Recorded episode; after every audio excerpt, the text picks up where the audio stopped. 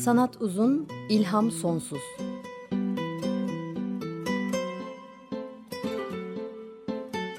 Sanat üzerine psikolojik sohbetler. Hazırlayan ve sunanlar Şenol Ayla ve Timuçin Oral.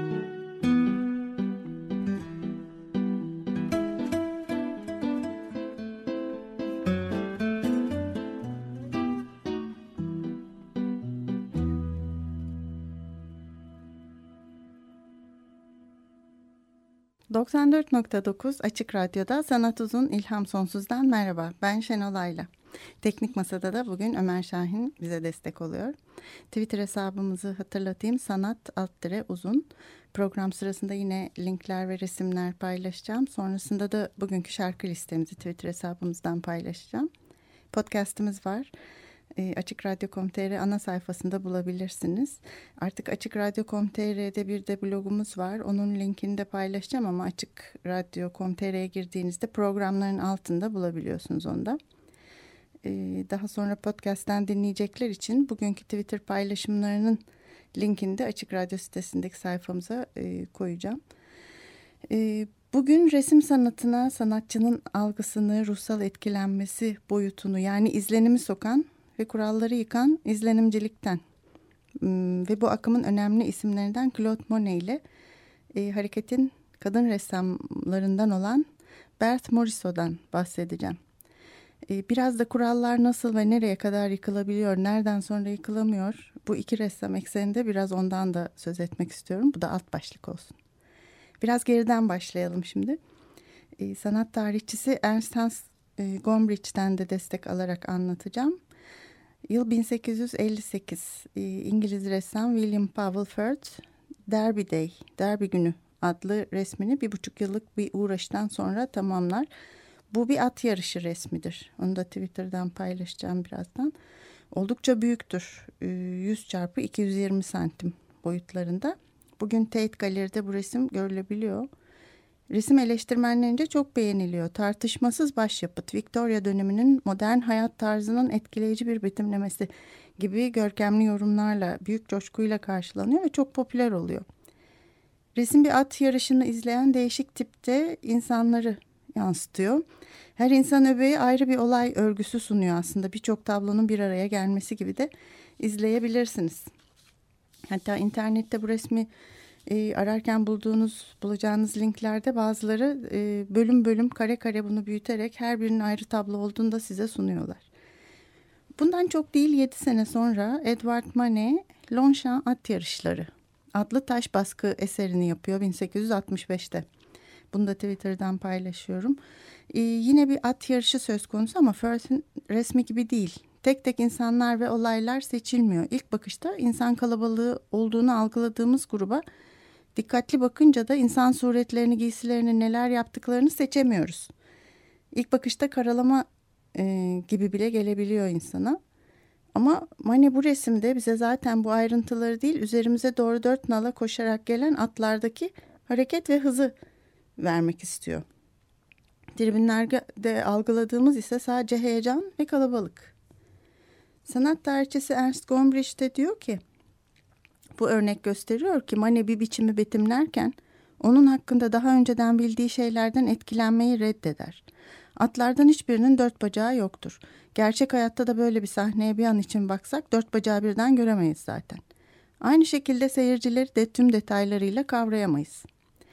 Gerçek hayatta da bir an için sadece tek bir noktaya yoğunlaşabiliriz aslında biz. Gerisi bize birbirinden bağımsız bir biçim karmaşası gibi gelir. Bu biçimlerin ne olduğunu bilebiliriz ama e, onları tam olarak göremeyiz. İşte bu noktada ressamın izlenimi önemlidir. E, ve tabloya yansıyan şey bizim de o ana dair gördüğümüz değil, ressamın ona bakarken gördüğüdür. Ne izlenime kapıldıysa odur. Aslında Edward Manet'in taş baskıyla yapılmış Longchamp at yarışı e, bu açıdan bakıldığında William Fred'in Derby günü resminden daha gerçeğe yakındır. E, Manet'in resmi de bizi alır ve o ana götürür. O, ressam o anda neyi gördüyse onu gösterir bize.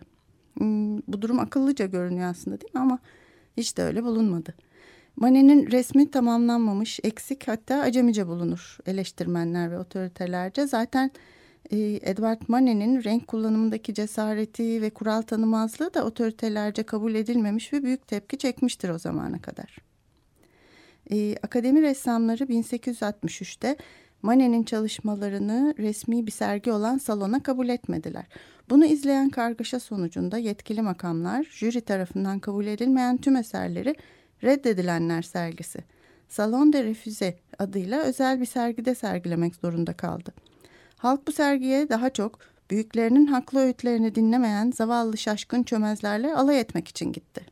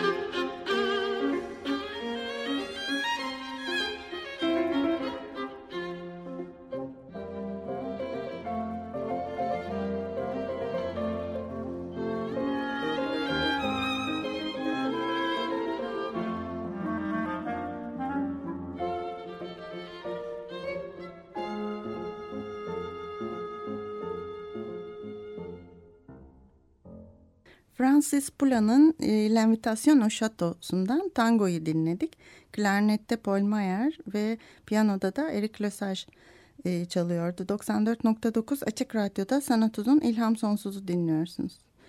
Manet'in dediği aslında şuydu. Doğada her nesnenin kendine özgü sabit bir tek rengi yoktur. Doğadaki her nesne gözümüzde yani beynimizde bir araya getirdiğimiz birçok renk tonundan oluşur.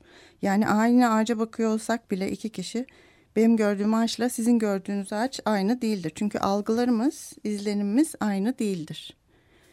Monet'e katılan az sayıda insan arasında Claude Monet de vardı. Ee, o dönemde yoksul, inatçı ve genç bir ressamdı. Hmm, ve nehir manzarasını daha iyi gözleyebilmek için bir kayık kiralamış ve onu atölye haline getirmişti Claude Monet. Ee, Edward Manet de onu ziyarete geldiğinde bu atölyeden çok etkilenip onun kayıkta çalışırken bir resmini e, yapmıştı. Bunu da Twitter'dan paylaşıyorum. E, bu aynı zamanda onun fikrine saygı duyduğunu da gösteriyordu Manet'in e, ağzından. Aynı kafada oldukları sanatçı arkadaşlarını da bunu yapmaya, atölyeleri terk edip kırlara, nehirlerin kenarına, sahillere, açık havaya çıkmaya davet ediyor Claude Monet. Hatta diyor ki resmi o anda orada başladığınız yerde ve zamanda bitirmelisiniz. Monet'in açık havaya çıkın resimlerinizi açık havada yani plein air yapın çağrısı e, rahat atölyelerinden çıkıp doğayla, ışıkla karşılaşmayı öneriyordu sanatçılara. Cazipti ama bir yandan da bir meydan okumayı gerektiriyordu. Çünkü e, doğa değişken, e, tabii sürekli değişiyor. Hava değişiyor, güneş ışığının açısı değişiyor, suyun dalgaları rüzgar e, dalları kıpırdatıyor, ışıklar değişiyor. Tüm yansımalar değişiyor zaman içinde ve hızla değişiyor. Resmettiği konu değişmeden önce de ressamın çok hızlı olması gerekiyor. Ve hızla resmederken de ayrıntılardan çok tüm resmin genel etkisine dikkat etmelidir. İşte bu sanatçının izlenimidir artık. Herkesin gördüğü şey değildir. Ee, o bize kendi gördüğünü gösterir. Claude Monet de ressamlara çağrıda bulunup açık havada yani dediğim gibi en plein air yapın resimlerinizi diyor ve kendisi de bunu yapıyor. E, ee, 1874'te de bir grup sanatçı bir araya gelip kendi sergilerini e, hazırlıyorlar, yapıyorlar. Bu önemli çünkü e, akademide bu bitmemiş gibi duran resimler e, reddedildi. Monet'in Empression Soleil Levant e, İzlenim Gün Doğumu adlı bir tablosu da bu sergide sergilendi.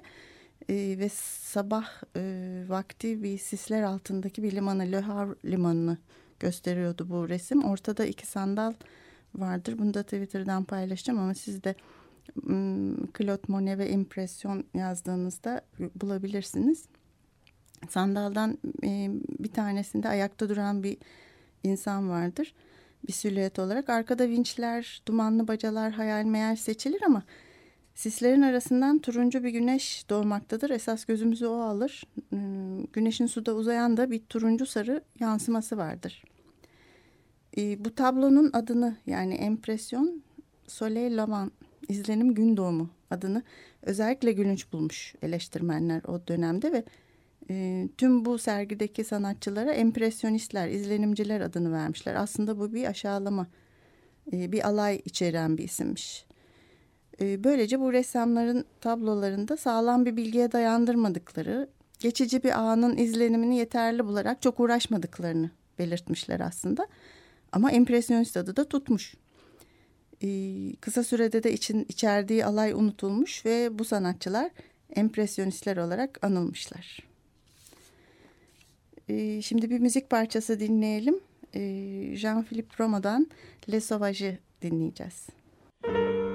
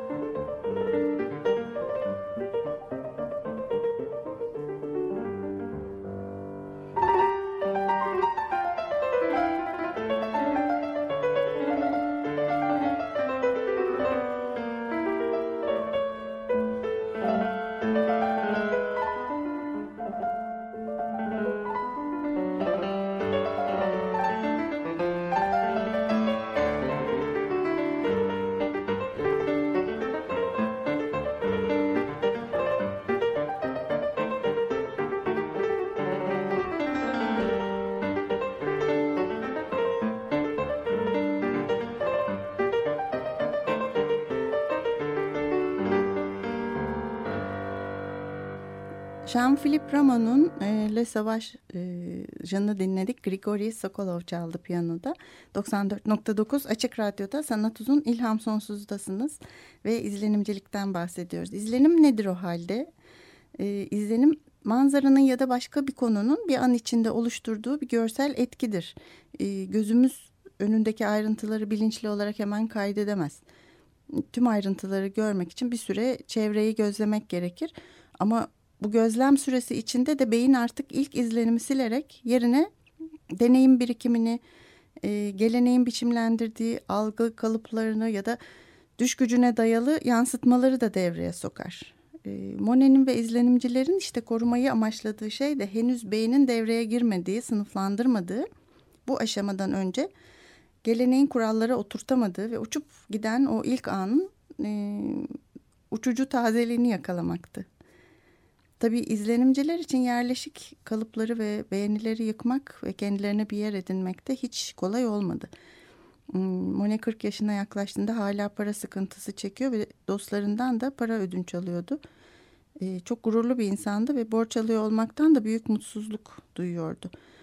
Evlenmişti. Ee, en önemli modeli olan hmm, empresyon tarihine de geçen önemli tablolarda modellik yapan Camille'le evlenmişti. Çocuğu vardı ve ikincisi doğmak üzereydi. Hmm, Paris'ten kırsal kesime taşınmışlardı bir köye ama karısı çok hastaydı. E, bu günlerle ilgili John Berger Görme Duyusu kitabındaki bir denemesinde e, Claude Monet'in Gözleri adlı denemesinde şöyle diyor. Sezan'ın bir sözünü aktarıyor ve demiş ki Sezan Monet'in tek bir gözü vardıysa bile ama o ne gözdü? Ve Berger da diyor ki şimdi herhalde daha önemlisi Monet'in gözlerindeki kederi birbiri ardına fotoğraflara baktıktan sonra hissedilen kederi kabullenip sorgulamaktır. Berger bu kederi neye bağlamak gerektiğini de sorguluyor bu denemesinde ve karısının çok genç yaşta ölümüne mi e, yoksa onun karısının yoksulluk içinde ölümüne mi yoksa yaşlandığında Monet'in göremez olmasına ait bir şey mi kabul etmeliyiz diye sorguluyor. E, dediğim gibi Camille önceleri model çok güzel başka ressamların da modeli olan hmm, çok şık giyinen moda ikonuymuş hatta o dönemde güzel hüzünlü gözleri olan etkileyici bir kadınmış. Ve 32 yaşındayken ikinci çocuğunu doğurduktan bir buçuk yıl kadar sonra e, Monet de 39 yaşındayken ölür. E, Monet karısının ölüm döşeğindeki bir resmini yapar. Onu da Twitter'dan paylaşacağım. Ve o anı yıllar sonra bir dostuna anlatırken de e, renkleri çözümleme gereği duyma e, tutkusunun hayatı için hem bir neşe hem de bir eziyet olduğunu söyler. Berger de bu an için şöyle diyor. Ee, bir gün kendimi sevmiş olduğum ve hala sevdiğim ölü bir kadının yüzüne bakar buldum. Otomatik bir refleksle sistematik şekilde renkleri not ediyordum der Moni. Şüphesiz samimi bir itiraftı bu ancak tablodaki kanıt bize tersini göstermektedir. Yatağın yastıklarını uçuran beyaz, gri, morumsu bir kar fırtınası, ölen kadının hatlarını ebediyen gizleyecek korkunç bir kar fırtınası. Aslında bu kadar yoğun hisler ve öznel duygularla yapılmış çok az ölümde şey tablosu olabilir.''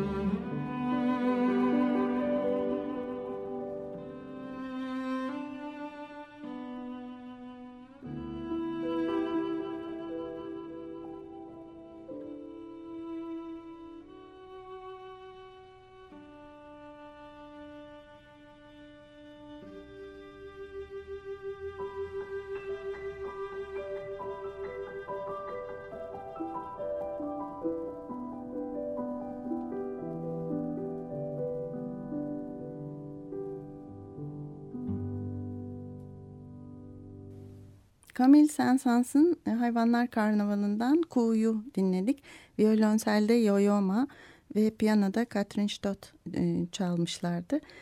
E, aslında Ku'nun su üzerinde süzülmesini anlatıyordu bu violonsel ve piyanoda Ku'nun su altında ayaklarını çırpmasıydı sanki ama çok duru bir sükuneti var. E, o yüzden de hüzünlü geliyor aslında bana. 94.9 Açık Radyo'da Sanat Uzun İlham Sonsuz'u dinliyorsunuz. Monet, Camille'in e, karısı Camille'in ölümü sonrasında köyde geçirdiği kışı çok soğuk ve yalnız ve karanlık geçirir. E, depresiftir de. E, buz kütleleri, puslu havalar, donuk gökyüzü, gri kimsesiz kıyılar, e, ıssız bir mevsim e, resmeder burada o kış boyunca ve e, manzaraları da Monet'in acısına bürünmüş gibidir adeta. Daha sonra da ama ikinci kez evlenir. Çocukları ile birlikte kırsal kesimde Jiverni'ye taşınır. 1880'lerde izlenimcilerin pazarı canlanınca Monet'de yoksulluktan kurtulur. Ama bu ömrünün ikinci yarısına denk gelir. Ömrünce suya takıntılıdır. Monet ölünce de denize e, e, gömülmek istediğini söyler. E, önce nehirleri resmederken sonra denizleri resmeder. Sonra da Giverny'de bir arazi satın alıp orayı zahmetli ve uzun çabalarla bildiğimiz Nilüfer Göleti'nin de olduğu eşsiz bir bahçeye çevirir. Bildiğimiz diyorum çünkü hayatının son yıllarında bu Nilüferleri çok fazla resimledi ve ıı, gördüğümüzde tanıyabileceğimiz eserlerinden onlar da. Ve bu Giverny'deki kendi bahçesini, kendi yarattığı bahçeyi resmeder uzun yıllar. Nilüfer Göleti yıllar içinde daha da genişler, canlanır. Japon ahşap baskılarından esinlenerek ki öyle bir koleksiyonu da vardır Monet'in. Çok e, sever Japon sanatını. Japon tarzı küçük bir ahşap köprü de yaptırır. E, bu köprü de birçok resmine konu olur ve arada katarak nedeniyle görme kaybı yaşadığı ameliyat olsa da 86 yaşına kadar akciğer kanserinden ölene dek burada yaşar ve eser vermeye devam eder. Şimdi Claude Monet'in hayatına dair kaynaklarda doğrudan anlatılanlar çok da fazla değil ama aslında e, bildiğimiz birçok şeyi dostlarının eserlerindeki yansımalarından görebiliyoruz. E, programımızda ilham nereden geliyor, sanatçılar ilhamı nereden buluyorlar konusunu çok sık e, sorup cevaplarını arıyoruz. Burada da önemli esinlenmeler var. Claude Monet'den etkilenen iki büyük yazar var. Emile Zola ve Marcel Proust. E, Emile Zola eser Louvre e, romanında Proust da Kayıp Zamanın izinde romanlarında Monet'in izini e, bize verirler. Bu durum aynı zamanda sanatçıların e, birbirinden etkilenmelerini gösterdiği için de ilginç e, geliyor bana. Önce Emile Zola'ya bakalım sonra da Proust'a bakalım. E, Emile Zola 1886'da yayınladığı eser kitabında e, çok geniş yer verir. Nasıl verdiğini de birazdan anlatacağım. 20 ciltlik Rougon Makar romanları bir seridir bu.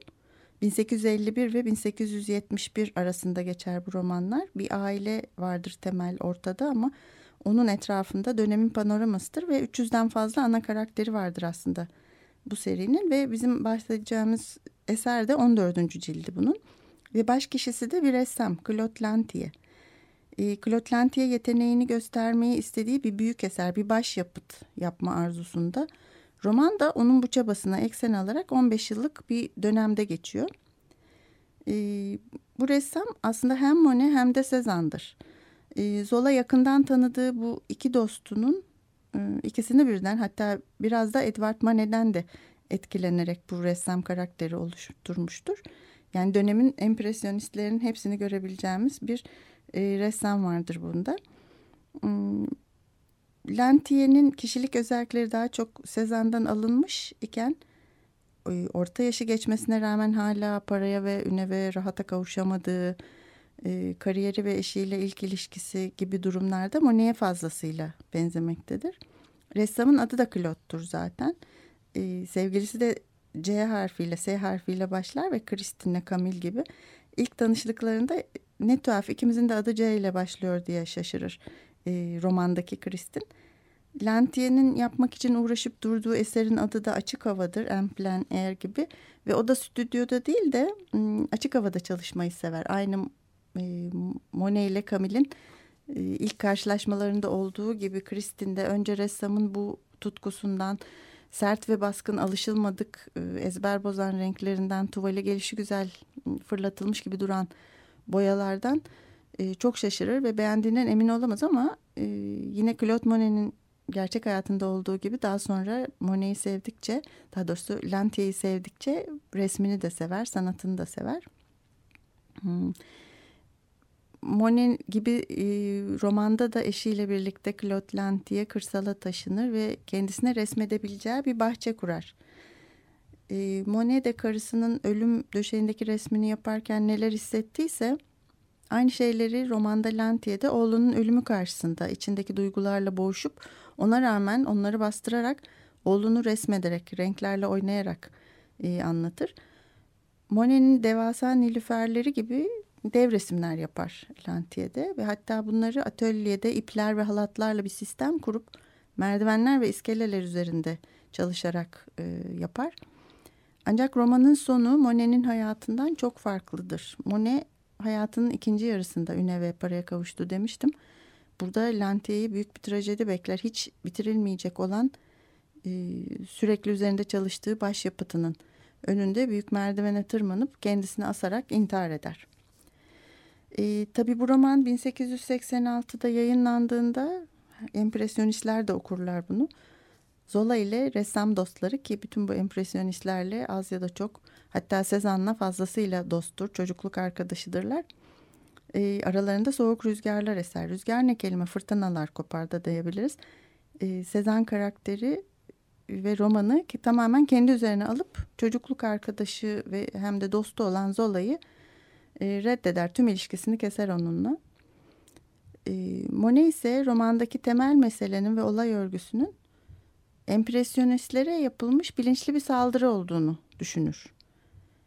E, yine ressam olan Camille Pissarro'ya sorar romanı okudun mu? Korkarım bize büyük zarar verecekler. E, tüm empresyonistler eser romanını okuyunca düşmanca bulurlar ve ama yine de Monet tüm kızgınlığına ve incinmişliğine rağmen e, olaylar büyümesin diye çok fazla alınmış görünmemek için olayı sakin karşılamaya çalışır ve benzerlikleri de bu demin de bahsettiğim aşırı sayılabilecek benzerlikleri de inkar etme yoluna gider. Hatta daha sonra Emil Zola e, Dreyfus davasında ünlü Jacques e, itham ediyorum, suçluyorum diye başlayan savunmasını yaptığında da onu destekler. Kahramanca ve cesurca çıkışını övgüye buluyorum. Övgüye değer buluyorum diye yazar. E, ama sonuçta empresyonistler e, Zola'nın kendileriyle yakın dostluklarını kötüye kullandığını, onlardan öğrendiği şeyleri romanda çarpıtarak kullandığını e, ve romandaki ressam karısını nasıl feda ettiyse kendilerini öyle harcadığını düşünürler. E, bu da gıybet kısmıydı programımızın. Bir de film e, haberi var. Bütün bunları konuştuktan sonra çok ilginç gelecektir. Sezan et moi. Sezan ve ben 2016'da yapılmış bir film. İnternette bulabiliyorsunuz. E, Türkiye'de gösterilmedi bildiğim kadarıyla. Emil Zola ve Sezan arasındaki ilişkiyi anlatan bir film. Belgesel değil, kurgu bir film. E, Daniel Thompson yönetmiş ve Zola'yı Guillaume Canet, Sezan'ı da Guillaume Gayen oynamış. Bunu izlemek de güzel olacak. Henüz izlemedim. Onu izleyince onunla da ilgili paylaşımda bulunacağım sizinle. Müzik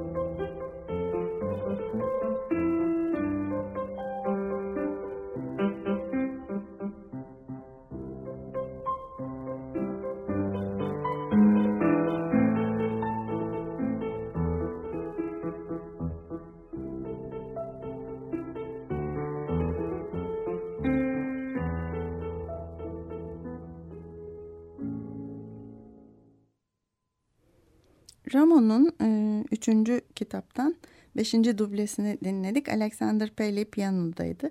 94.9 Açık Radyo'da Sanat Uzun İlham Sonsuz'u dinliyorsunuz. Bugün izlenimcilikten, e, izlenimcilerden konuşuyorum.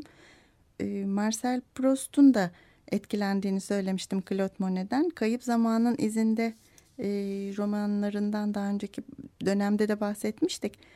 Hmm, Proust da Zola gibi Monet ile tanışma şansı olmadı ama onun işlerini çok beğeniyordu. Monet de 31 yaş büyüktü Proust'tan. E, bahçesini biliyordu e, Proust'ta Monet'in. Ziyaret etmeyi de çok istedi ama bunu yapamamış hiç e, hayattayken. İkisinin de sanata bakışları da çok benziyordu aslında. Proust da Monet'de anların önemine inanıyorlardı. Sanatta o anları yakalamaya çalışıyorlardı belleğin gerçek olmadığını, içine öznem, öznel deneyimlerin, algıların, izlenimlerin, arzuların girdiğine inanıyorlardı. Proust, Claude Monet'i zamanın en büyük Fransız ressamı olarak gördüğünü de söyledi.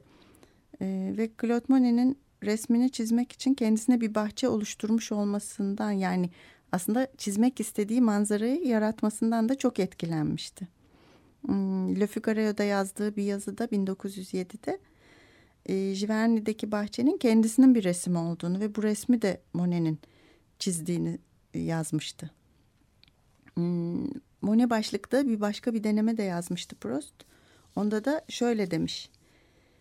Monet bize gerçekliğin üzerine açarak önemli bileşenlerini gösterdi. Manzarayı sevmemizi sağladı. Üzeri adacıklarla bezeli ırmaklar, öğleden sonrasının durağan saatlerindeki mavi ırmak, beyaz gökyüzü ile bulutlar, yeşil ağaçlar ve çayırlar, güneşten süzülen pembe ışık hüzmelerinin dans ettiği ağaç gövdeleri, bahçe kuytularında patlayıveren kızıllar. Proust için gerçek ilham kaynağı olmuş e, gördüğünüz gibi Monet'in tabloları ve ona romanlarında da denemelerinde de kendine yer bulmuş. E, Proust'un Amiens'de üzerine düşen e, ışığın saatler içindeki değişimini izleyebilmek için saatlerce oradaki Amiens Katedrali'ni izlediği biliniyor. Bununla ilgili notlar da almış. Tıpkı e, Monet'in de Rouen Katedrali'ni izlediği gibi. Monet e, 1892-93 yılları arasında günün farklı saatlerinde Rouen'daki Rouen Katedrali'nin e, bir dizi çok sayıda resmini yapmış.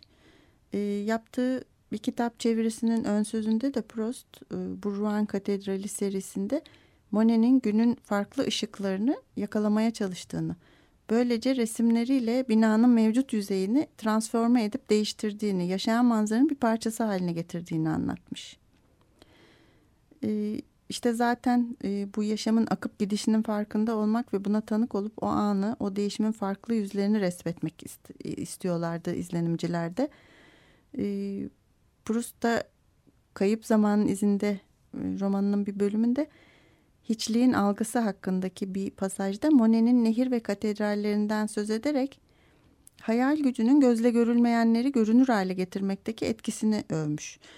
E, Proust'a göre biz en değerli ruhsal deneyimlerimizi nesnel gerçeklik hakkında ilüzyonlar yaratabilmemiz sonucunda yaşarız. Sanat da iki şeyi yapar. Kıymetli ilüzyonları kaydeder ve ölümsüzleştirir ve zihnimizde illüzyonlar yaratabilmenin yolunu açar. Resim doğanın bir taklidi değil, doğanın dönüşümü, metamorfozudur.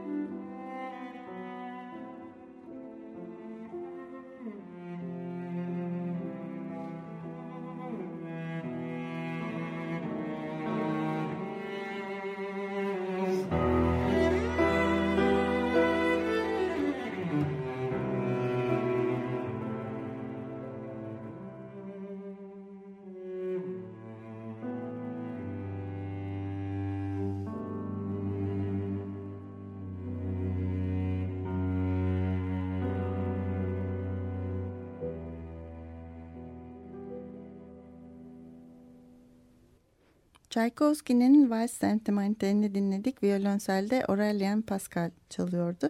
94.9 Açık Radyo'da Sanat Uzun İlham Sonsuz'u dinliyorsunuz. Ee, şimdi izlenimciliğin önemli ressamlarından Bert Morisot'dan söz etmek istiyorum biraz da. İzlenimciliğin birkaç e, az sayıdaki kadın ressamından biri Bert Morisot. Akademideki kadın sanatçı sayısının çok az olduğu, mevcut ressam kadınların da yani plastik sanatçılarında genellikle bir ressamın eşi ya da kızı olduğu bir dönemden bahsediyoruz aslında. E, Bert Morisot da üç büyük kadından biri izlenimcilerin. 1864'te e, Salon de Paris'de büyük e, sergiye katılır ve başarılı da olur ama 1874'te bundan 10 yıl sonra o da reddedilenler e, arasına girer. E, Cezanne, Degas, Monet, Pissarro, Renoir ve Sisley ile birlikte çalışarak onlarla da dostluk yapar. Eugène Manet ile evlenir. Bu Edward Manet'in erkek kardeşidir. E, ve birçok insana da modellik yaptığı gibi kendisi de çok verimli bir sanatçı aslında. Birçok resim yapar. İki kız kardeş e, olarak sanat eğitimi alırlar. Bert Morisot ile kız kardeşi Edma küçükken. E, Edma ile de arası çok iyi Bert'in ama birlikte resim yapıyorlar. Fakat sonra evlenip resmi bırakınca Edma da araları birazcık uzaklaşıyor, açılıyor. Bert de bu yüzden ona kızıp e, resme devam etmesini istiyor. Tabii öyle olmuyor. Ev hanımı olmaya devam ediyor e, kız kardeşi Edma. Fakat sevgileri de hep devam ediyor. Bert Morrison'un önemli ve bilinen e, en çok bilinen resimlerinden biri de Beşik. Kız kardeşi Edma ile onun bebeğinin e, resmi. Bir anne ile çocuğu bebeği arasındaki bağı bu kadar güzel anlatan bir resmin daha olmadığı iddia ediliyor sanat tarihçileri arasında. Bunun nedeni belki de ressamının kadın olmasıdır kim bilir. Bir yerde de diyor ki e, Bert Morisot ömrü boyunca feminen sanatçılar arasına girmiştir. Kadınsı sanatçılar, feminen sanatçılar arasına girmiştir. Çünkü çocukları, kadınları e, domestik ev içi manzaraları çizmiştir. Hmm, fakat zaten e, kendisi de bir burjuva aileden geliyordu ve yaşadığı çevre dolayısıyla da daha çok ev içinde yaşıyordu. E, domestik alanları, ev içindeki alanları e, ve kapalı alanları çok yaşadığı için resmetmişti. Şimdi e, bir başka açıdan da bakarsak Bert Morisot en plein air kavramını da yani açık havada kavramını en önce ve en çok benimseyen sanatçılardan da aslında. Hatta modeli olduğu Edward Manet'i de dışarı çıkmaya teşvik eden oydu. Bu biliniyor. Gelin görün ki o dönemde de kadınların açık havaya tek başına çıkmaları doğru değilmiş. Olağan ve kabul edilebilir bir şey değilmiş. Mutlaka eşlikçiyle gitmeleri gerekiyormuş. E böyle olunca da tabii çok fazla kendisi açık havaya çıkamıyor Bert Morisot. İsterseniz resimlerin adına atlarına şöyle bir bakarsak rastgele sıradan. Makyaj masasındaki kadın. Oturma odası. Balkonda. Madame Boursier kızıyla evinde. Banyo Divanda oturan Julie Mani. Mozart'ın sonatı piyano ve keman çalan iki kız var burada da. Verandada, yemek odasında, Jersey'de iç mekan, terasta böyle uzayıp gidiyor. Ee, gördüğünüz gibi diğerlerinde söylediğim Le Havre e, limanı, e, deniz kıyıları, nehir üstü, adacıklar. Tabii onlar da var ama çok daha az sayıda. Daha çok bu ev içi mekanları var. Plaj kır liman tablolarının arasında e, onlar göze fazlaca çarpıyorlar. Hmm, hatta bir sanat yazarı da diyor ki domestik saadet içinde oturup sıkılan neşesiz kadınlar görürseniz büyük olasılıkla Bert Morisot'un resmidir. E, sonuç olarak izlenimci olabilirsiniz ama kadınsanız bu izlenimlerinizi iç mekanlarda yapmalısınız denebilir mi? Kim bilir belki de öyle görünüyor. E, bir de güzel anekdot var Bert'in kadınlığından kaynaklanan bir olay. Hmm, bu resminde söz konusu resminde paylaşacağım Twitter'dan kız kardeşi ve annesini resmetmiş ve bu bir sergiye katılacak e, bir resim. O sırada e, resmi henüz yeni bitmişken Edward Manet geliyor ve resme bakıyor Ve Bert Morisot da annesinin yüzüyle ilgili çok da emin olmadığını, endişeli olduğunu, iyi çizip çizmediğinden çok emin olmadığını söylüyor. Ve o, o alanda yokken, resmin başında yokken Edward Manet ona sormadan fırçayı ve boyaları alıp annesinin yüzünü düzeltmeye kalkıyor. Bunu gördüğünde e, Bert'in ne hale geldiğini e, tahmin edebiliriz. Kadınlığından kaynaklanan diyorum çünkü acaba hani hiç e, siz Manet'in ya da herhangi bir ressamın aynı şeyi başka bir erkek ressama diyelim Cezanne'ın Monet'e ya da Pissarro'nun Monet'e yapmaya kalkışacağını aklından geçireceğini düşünebiliyor musunuz? E, ben düşünemiyorum. E, bu durumu gördüğünde de Bert'in içinden neler geçtiğini çok iyi tahmin ediyorum. Evet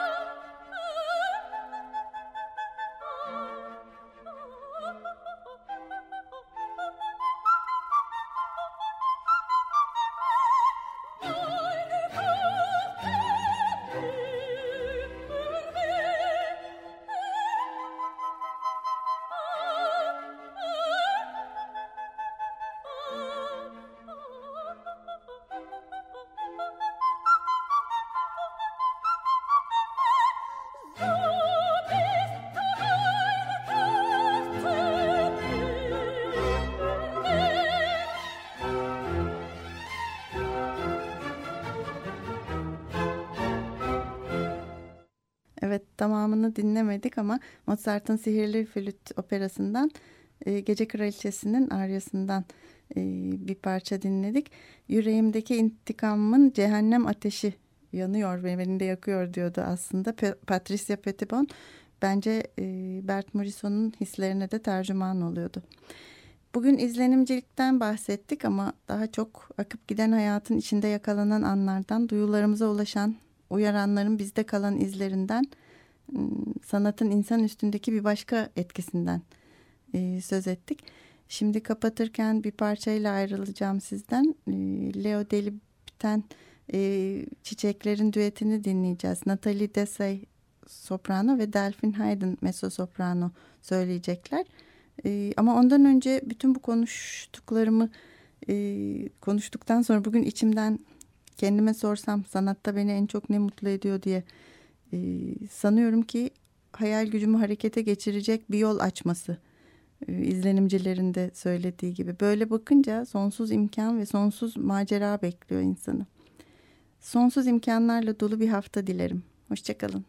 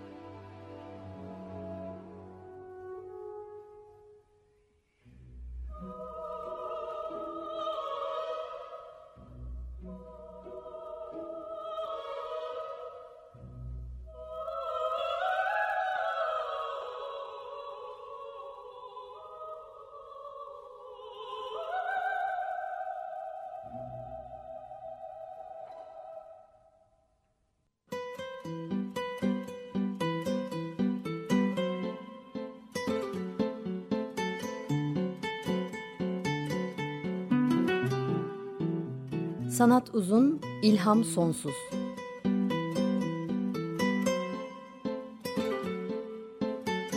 Sanat üzerine psikolojik sohbetler. Hazırlayan ve sunanlar Şenol Ayla ve Timuçin Oral.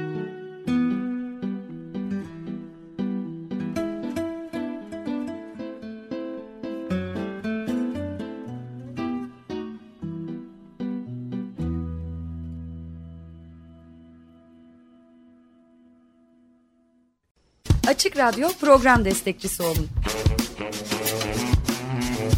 Bir veya daha fazla programa destek olmak için 212 alan koduyla 343 41 41.